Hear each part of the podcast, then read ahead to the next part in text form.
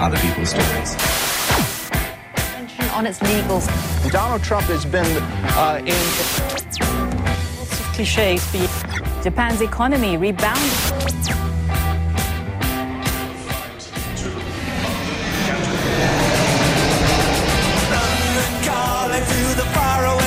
Bon dia, John Carlin.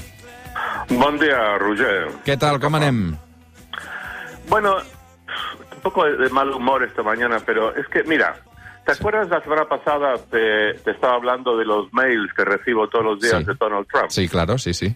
Claro, es que todos los días, mis días empiezan, me despierto, eh, abro el móvil Mm. y ahí tengo, como esta mañana otra vez, cuatro o cinco mails más de, de Donald Trump. No es una buena forma de empezar el día. Acabáis de hablar de la familia real española. Bueno, eh, sí, hay bastante ridiculez ahí, nos reímos y con razón.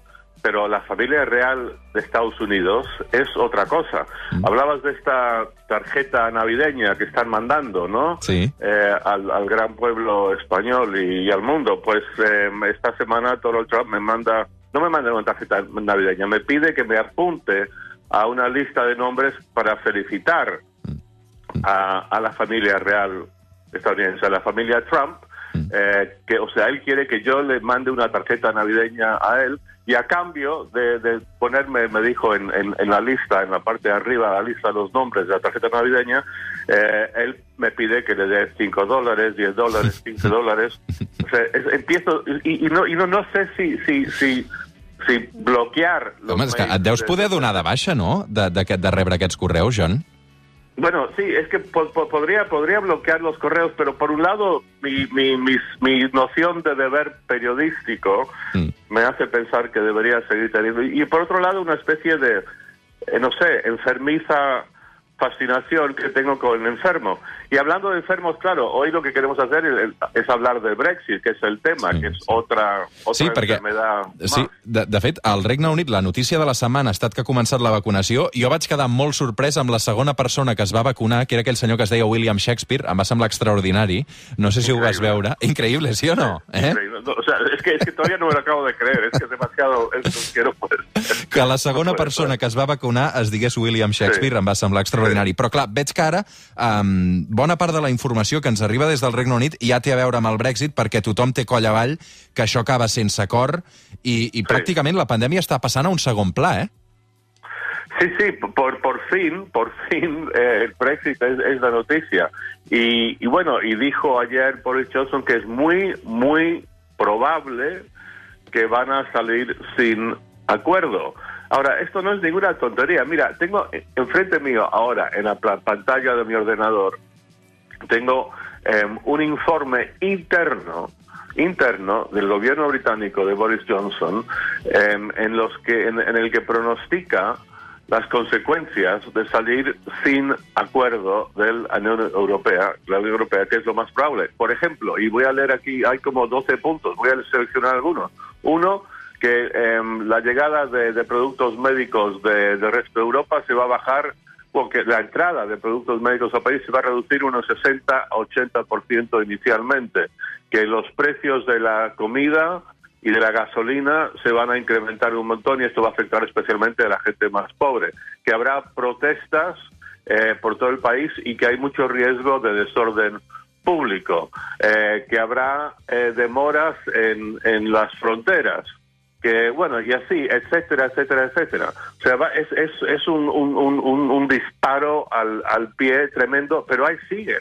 Y lo más tremendo de todo esto, Roger, es que Boris Johnson no se lo cree. Ha sido todo un- una especie de juego para él. No se lo cree. Mira, uno puede decir que el independentismo catalán es una locura o que el unionismo español es una locura, pero no dudo que la gente realmente se lo cree, al menos, o sea, realmente se lo creen y eso tiene su punto de, de, honor.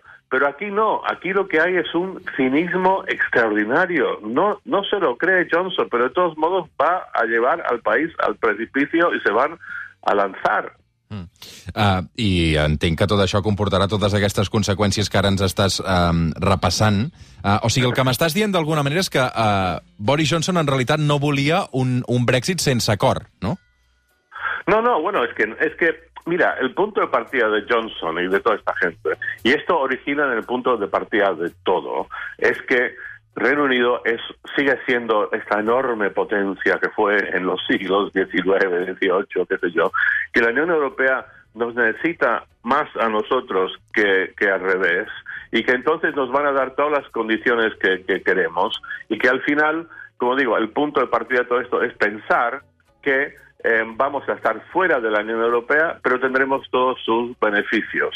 Eh, en una imagen que he usado antes, cuando hemos hablado de esto, eh, es como quieren salir del, del club de, qué sé yo, el club de tenis, pero quieren tener, y, y, ya no va a pagar más cuotas, pero quieren seguir teniendo acceso a las pistas cuando quieren ir a jugar a, cuando les dé la gana. Y claro, esto no es posible y ahora están todos como extrañados, pero ¿cómo es posible que los europeos no nos dejen hacer exactamente lo que queremos una vez que estemos fuera, que todo siga igual, el libre comercio, la libre movilidad?